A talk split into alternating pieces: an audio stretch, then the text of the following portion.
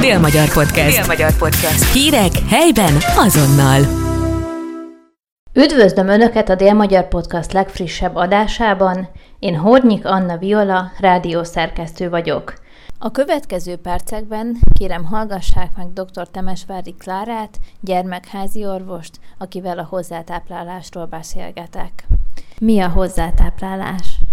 Hát a hozzátáplálás, akkor beszélünk hozzátáplálásról, hogyha az anyatejes vagy a tápszeres táplálás mellett bármi nemű egyéb élelmiszert elkezdünk adni a gyerkőcnek. Hogy mikor indul ez, a következő kérdés ez szokott lenni.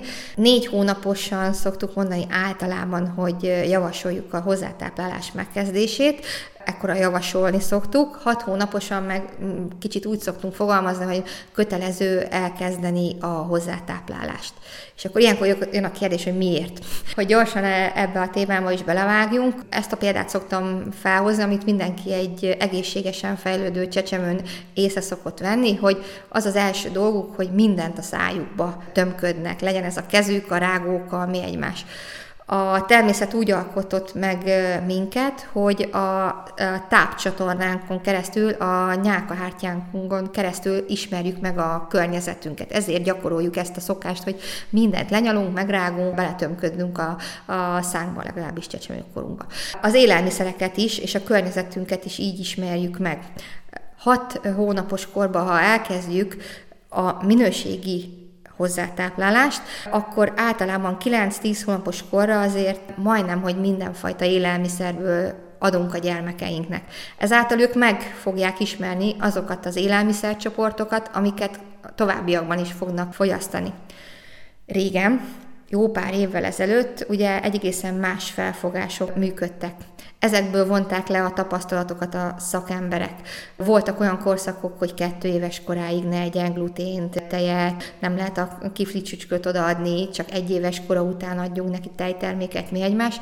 Hát sajnálatos módon a megfigyelések és a klinikai tapasztalatok alapján pontosan ezekből a generációkból jöttek ki, a tejérzékeny, gluténérzékeny, vagy intoleráns, akkor inkább így mondom, mert annak genetikai háttere is van azért, gyerkőcök, és azok a gyerekek, akik viszont 8-9 hónapos kor- korukig találkoztak a különféle allergénekkel, azok sokkal jobban ö, tolerálták később is ezen élelmiszerek bevitelét. Hogyan vehetjük észre azt, hogyha a gyermekünk készen áll a hozzátáplálásra?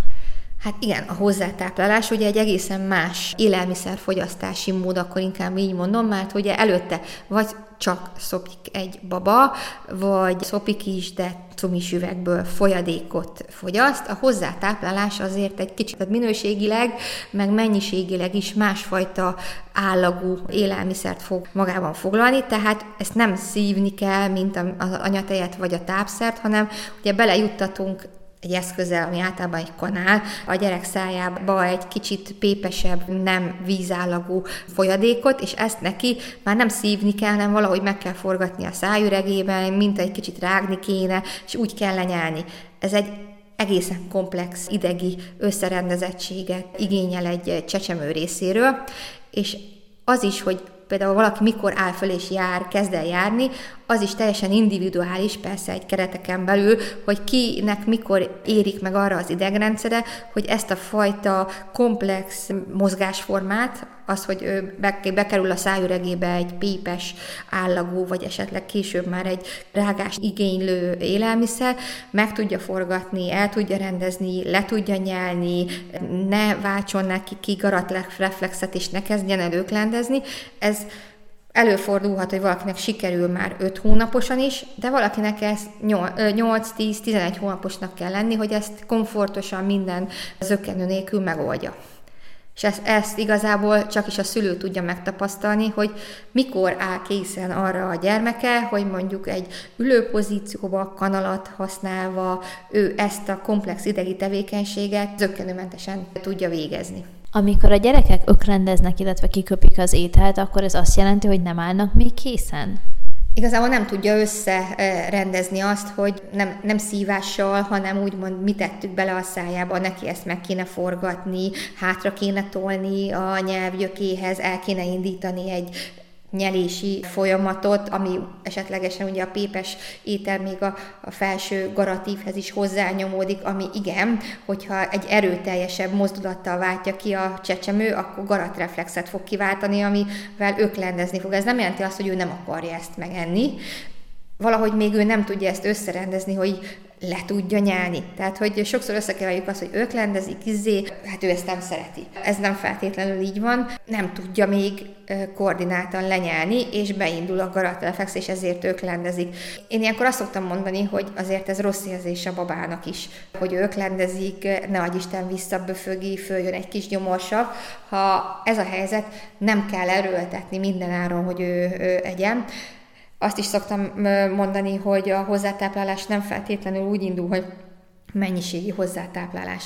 Én úgy szoktam fogalmazni, hogy minőségi hozzátáplálással indítunk, akár négy hónapos korban, ami azt jelenti, hogy egy mokkáskanálnyi mennyiséget beleteszünk az ő szájüregébe, ő azt ízlelgeti, forgatja, lehet, hogy a nyálával a fele ennek is még kifolyik, de azért biztos, hogy valamennyi le is fog menni. Ez már információ az ő tápcsatornájának, hogy ez az élelmiszer létezik, ez az allergén kvázi létezik, ezzel fogok találkozni, tehát ezt megismerő funkciót fog indikálni az ő immunrendszerébe, és jól fogja továbbiakban is tolerálni. És nem az a cél, hogy ő most megegyen egy egész bébi ételnyi almapürét kekszel, amikor négy hónapos, hanem az a cél, hogy, hogy belejuttassuk a szervezetébe, és ez minőségi hozzátáplálás, ez még nem fogja azt jelenti, hogy kiváltanánk egy étkezést. Milyen gyümölcsökkel, zöldségekkel érdemes kezdeni a hozzátáplálás négy hónapos kortól? Hát ez éghajlati, úgymond adottsága egy bizonyos területnek, hogy éppen milyen zöldség és gyümölcs érhető el. Szoktam mondani, hogy például, amikor elmegyünk hipermarketbe, vagy drogériákba, ahol ugye tömkelege van a négy hónapos kortól adható gyümölcspépeknek, zöldségpépeknek, sokszor legalábbis én megrökönyöd át volt, hogy hát, hogy mi az, hogy négy hónaposan például mangó püré van a, az alma mellé odatéve, tehát azért azt szoktuk mondani, hogy az egyes népcsoportoknak, hogy éppen hova születünk, azért megvan egy emésztőrendszer profilja, akkor inkább így mondom, hogy aki Dél-Amerikába él meg, Afrikába, vagy ne Isten, Alaszkába, annak egészen más a, a mikrobiom profilja, az emésztőrendszere, másfajta élelmiszerekre vagyunk beállítva, mi itt a Kárpát-medence közepén, meg más, aki Alaszkával lakik, vagy a Afrika csücskébe. Tehát én azt szoktam mondani, hogy azokhoz a gyümölcsökhöz kellene, meg zöldségekhez nyúlnunk, amik nekünk így 100 kilométeres körzetben egyébként megterem ez a legoptimálisabb, amivel el lehet kezdeni, és arra is kell figyelnünk, hogy ugye ezeknél a babáknál még a gyomorszáj nem nagyon jól záródik, ha, ha nem is böffent ki mindent, azért neki ott egy kicsit fluktuál a saját gyomorsava, erre nem szabadna ráerősíteni, tehát hogy nem, sokszor nem az alma a legjobb választás, meg nem a megy, aminek a természetes savassága egy kicsit magasabb, mint mondjuk egy batáta vagy krumpli, tehát hogy ezeket én így mono gyümölcsként nem szoktam javasolni, pontosan azért, mert aztán utána ennek lehetnek következményei eredményei. És mi a helyzet a hússal és a halfélékkel? Hát igen, ilyenkor jön elő, de egyébként már a gyümölcsöknél is, meg a zöldségeknél is, aztán a húsoknál pláne, hogy honnan is szerzünk minőségi húsokat, zöldségeket és gyümölcsöket amikor nevelünk egy bimbózó életet, akkor minden szülő óvatatlanul arra próbál koncentrálni, ugye, hogy a lehető legjobbat, a legminőségibet, a legkevésbé szennyezettet, vegyszerrel nem kezeltet adunk a gyerekeinknek. Ez valahol jó, valahol nem jó. Ezt, ez is azért próbálom elmondani, hogy persze én is mindig arra próbálkoztam, hogy bio, meg vegyszermentes, és aztán utána föltettem a kérdést magamnak, hogy igen, és utána, ha beadom közösségbe, vagy elviszem egy vendégségbe, akkor onnantól kezdve az én kontrollom megszűnik. És pontosan abból az ebből kifolyólag, hogy ugye az immunrendszerünk azt ismeri meg, amit beviszünk mondjuk 9-10 hónapos korunkig a tápcsatornánkba, hogyha én minden nemű adalékanyagtól, színezéktől, tartósítószertől, vegyszertől hermetikusan elzártam a gyerekemet 10 hónapos koráig, akkor miért csodálkozok utána rajta, hogyha valaki a kezében nyomott 15 hónaposan egy kecsapos virslit, és utána masszívan ekcémásodik a keze, és ne adj Isten, kiütések lesznek rajta. Sajnálatos módon ebbe a világba, vagy nem is tudom, sajnálatos módon vagy nem, ebbe a világba születtünk, és a gyerekeinket is e, erre a világra hoztuk, tehát nagyon nehéz megtalálni azt az egyensúlyt, amivel optimálisan lehet funkcionálni hosszú távon a jelen környezetünkbe.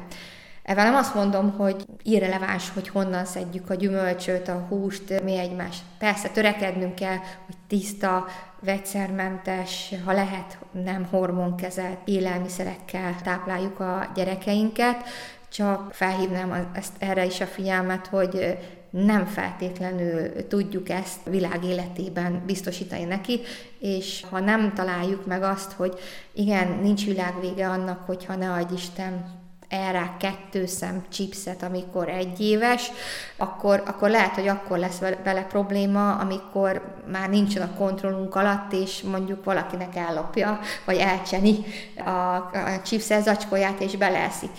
Szóval nehéz tanácsot adni, hogy mit és mennyit. Hát a húsoknál ugye a hormon és antibiotikum kezelése az állatoknak az egy nagyon sarkolatos téma. Mostanában is látjuk, hogy mennyi hátulütője van akár felnőtt korban is. Én személy szerint azért próbálkozok olyan házi termelőktől tojás, húst beszerezni a családom részére, amit mondjuk napi szinten vagy heti szinten mi otthon fogyasztunk, amiről tudom, hogy talán nem az volt a cél mindenféle hormonkezeléssel, illetve antibiotikummal, hogy minél nagyobb legyen a hús tömege, és reménykedem benne, hogy hát ha valahogy egy kicsit redukálom a bevitelt, de igen, aztán az én gyermekem is el fog menni a McDonald'sba, és el fog menni egy étterembe a barátnőjével, vagy ne adj Isten bárhova, ahol aztán utána már ki tudja, hogy mit fog megenni. Érdemes-e tartani különböző diétákat, gondolok itt például a BLV-re? Gyerekek szempontjából?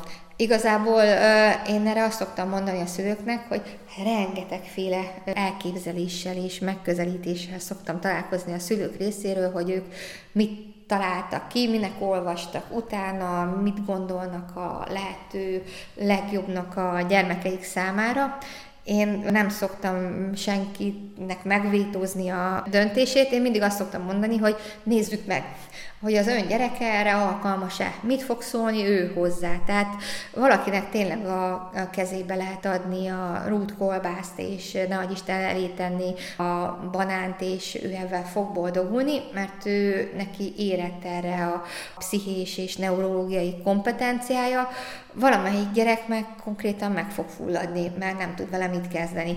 Tehát, ha nem is megfullad, de elkezd öklendezni, és félre nyeli, ne Isten aspirál egy kicsit, de valakinek ez zöggenőmentesen tud menni. És akkor hurrá, az ő gyereke erre alkalmas. Hát akkor ez tökéletes, megtalálta a lehető legjobb módját a gyerekének a hozzátáplálásnak, akkor, akkor igazából ennek csak örülhetünk. De nem minden gyerek alkalmas erre.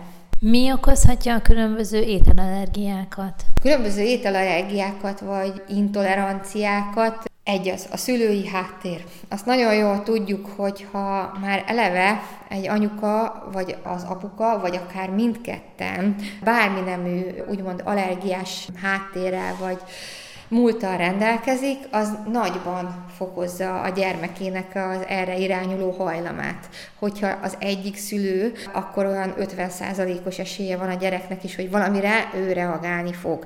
Ha mind a két szülő valamilyen allergiás múltal rendelkezik, akkor ennek az esélye már 75 hogy a gyereke is fog valamit produkálni. Ez nem feltétlenül csak az ételekben jelentkezhet, ez lehet pollenérzékenység, vagy esetleg egy atópia a bőrén. Tehát, hogy a genetikai háttér az nagyban meghatározza, és az igazából most már kezd teljesen kiszorulni, hogy annak bármi nemű szerepe lenne, hogy mondjuk mikor kapta, milyen idős korában az adott élelmiszert.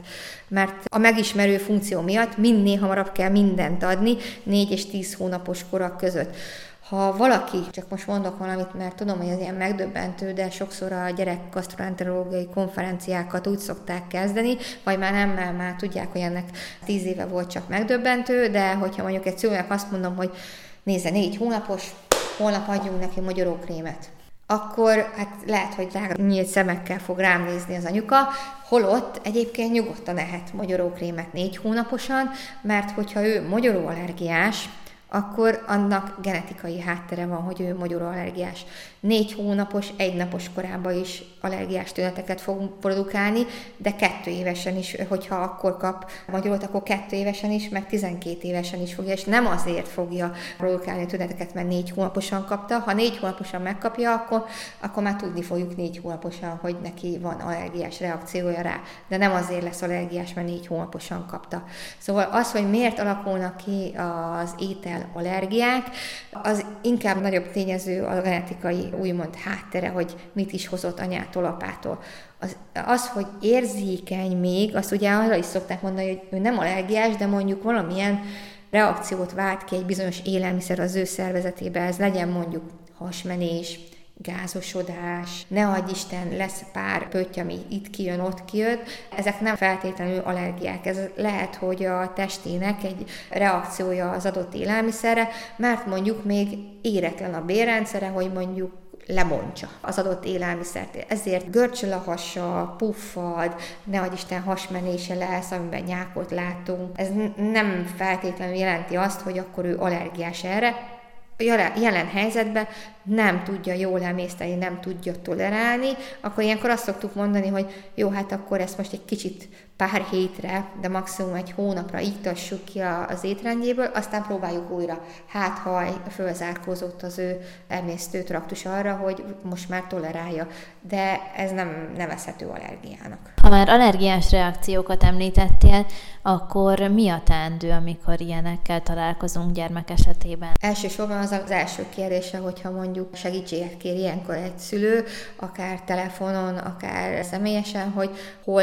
észleli ezeket a tüneteket, milyen mértékűek, tehát bőrfelületének mondjuk hány százalékán az egész lábán, törzsén, fején is jelentkezik ez, jár-e duzzadással, dagadással, kiemelkedik-e a bőr felszínéből, érinti esetleg a száját, szemhéját, fülét, mit lát, nyáladzik, nem nyáladzik, lenyeli, ha eddig tudott beszélni, most továbbra is beszél, tehát hogy nem érinti a garat képleteket, tehát hogy ez, ennek azért nagyon-nagyon fontos az, hogy mennyire súlyosak a tünetek, hogy hogy mit is fogunk ajánlani, hogy mit tegyem. Általában minden szülő tart otthon valamilyen antihisztamint, ami ugye allergiára használható. Ilyenkor, ha nem súlyosak a tünetek, akkor azt szoktuk javasolni, hogy mindenféleképpen valamilyen gyerek testsúlyának és korának megfelelő antihisztaminhoz nyúljon első körbe, és szoros megfigyelés alatt tartsa a gyerekét, mert ugye ez akár 10 percről 10 percre is változhat, akár el is tűnhet, aztán elé is jöhet.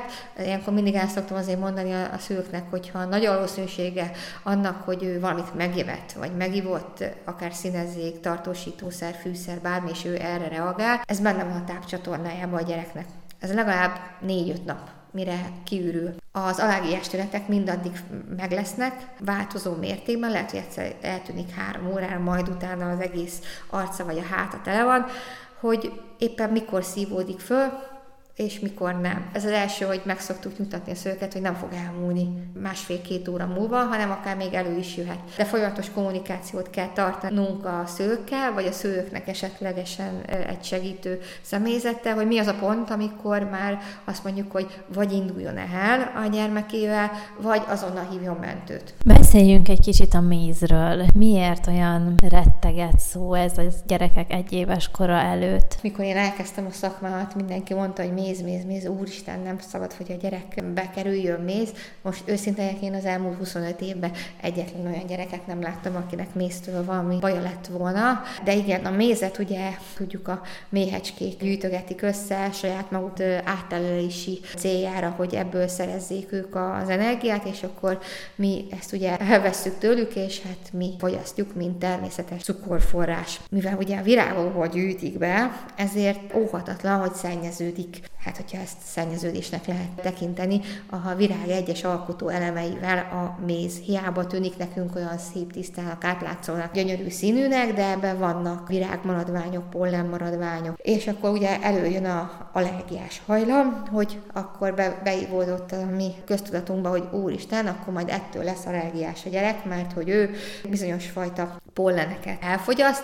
Na most ennek azért olyan nagy létjogosultsága nincs. Azért szokták a mézet elkerültetni, mert ugye vannak bizonyos kórokozók, amik benne lehetnek, és mivel egy éves korig még a gyermekünk immunrendszere mondjuk rá, hogy nem teljesen toppon működik, ezért vannak olyan gastrointestinális kórokozók, amik miatt megbetegedhetnek a gyermekeink. Én még ilyenről az elmúlt 25 évben nem hallottam, de igen, azt szoktuk mondani, hogy jó lenne, hogyha egy éves kora előtt nem kapna. Én úgy gondolom, hogy direktben én sem adtam mézet egy gyerekemnek se, de például kekszbe, süteménybe belesütve egy éves koruk előtt is fogyasztották. Tehát itt is arra hívnám fel a figyelmet, hogy ha megfelelő a termelő, és tudjuk a, a forrását, akkor olyan nagy bajokat nem csinálhatunk vele. Azt is hallottam a mézről, hogy botulizmust okozhat. Ez micsoda pontosan? A botulizmus az egy olyan kórokozó, ami hogyha bekerül az ember szervezetébe,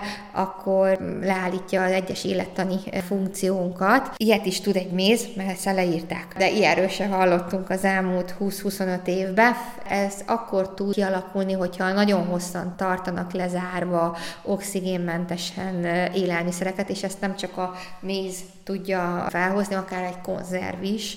Igazából ehhez nem megfelelő tárolási és higiéniai körülmények kellnek, hogy mondjuk pont a méz hordozzon botulizmust. Fűszereket mikor és milyen féléket adhatunk a gyerekeknek? Ez is jó kérdés, mert ugye mivel egyre színesebb a társadalmunk, én páciensem között is vannak más nemzetiségből megforduló szülők, illetve gyermekeik, és igen, számomra is megdöbbentő volt mondjuk, mikor egy indiai házas pár hozta a négy-négy és fél hónapos gyerkőcét, és hát így elém a menüt, hogy akkor ők miket is esznek, és hát hogy mennyire szereti a gyermekük a szezámmagós, mangós, pirított datójával megtűzdelt tofu darabokat leturmixolva. És akkor hát ugye én pislogtam, hogy na hát ilyet még le, lehet, hogy az én gyerekem 10-12 éves korában se evett még, és hogy húj, de igazából azt kell, hogy mondjam, hogy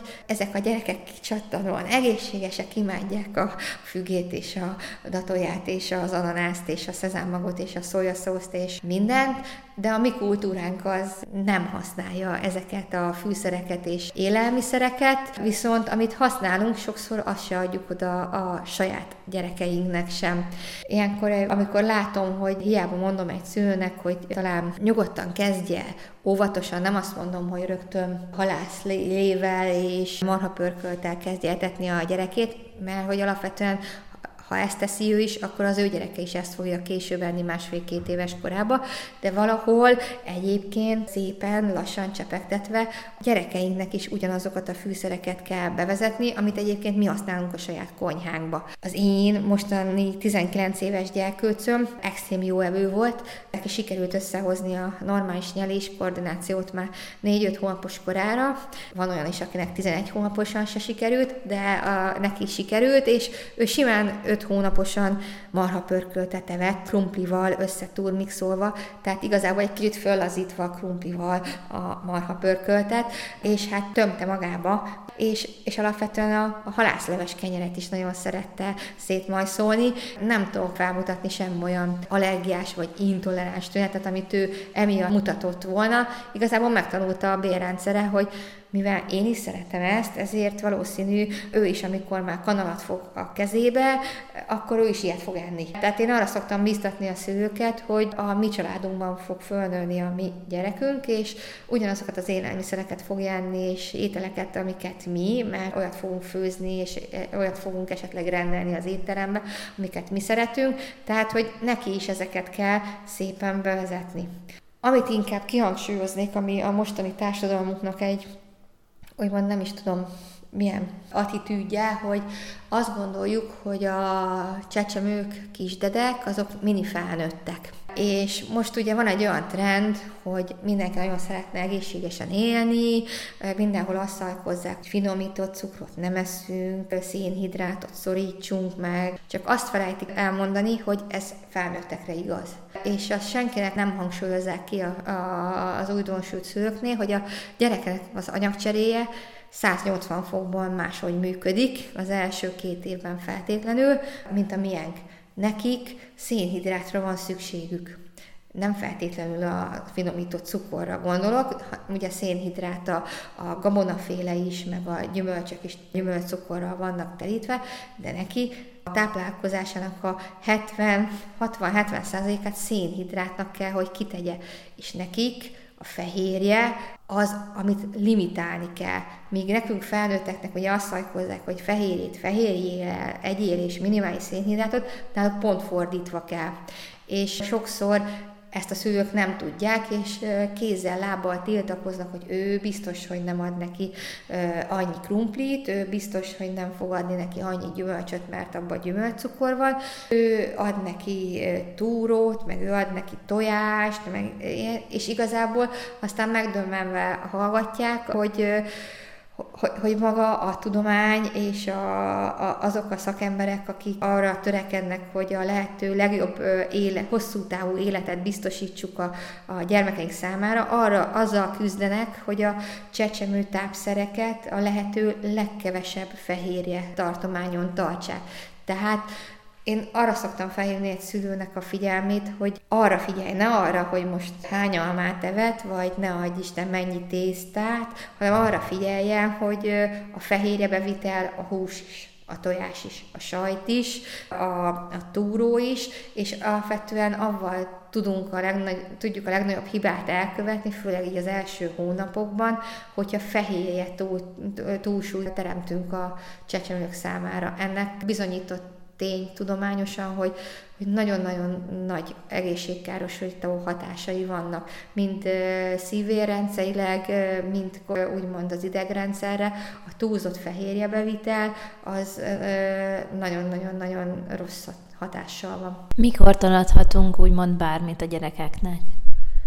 A bármi, ez elég széles, tehát igazából az, hogy, hogy nyugodtan elengedhetjük a kezét, és teljesen mindegy, mit vesz a szájába, ő nem fog megfulladni, hát ezt elég nehéz bár, bármilyen időszakra bedatálni. Azért három éves kort szokták meghúzni a, a, arra az időszakra, amikor mondjuk már pszichésen és kognitívan képesek arra, hogy mondjuk esetleg megküzdjenek avval, ha úgy érzik, hogy nem rágtak meg valamit, vissza kell ők lendezni, újra rágni, kiköpni mi egymást. Tehát, hogy akkor azért már a, a fulladás veszély az jelentősen lecsökken. Az a kor az, amikor azt mondják legelőször, hogy mondjuk valamilyen cukorkát már mondjuk nem rohangálás közben, de a szájába lehet adni, már kis, jóval kisebb a veszélye, hogy ezt ő félrenyelje vagy aspirálja. Szóval, hogy ez a bármi, az, az talán három éves korban jön elő. Ez volt a Dél-Magyar Podcast legújabb adása, Hornyik Anna Viola beszélgetett.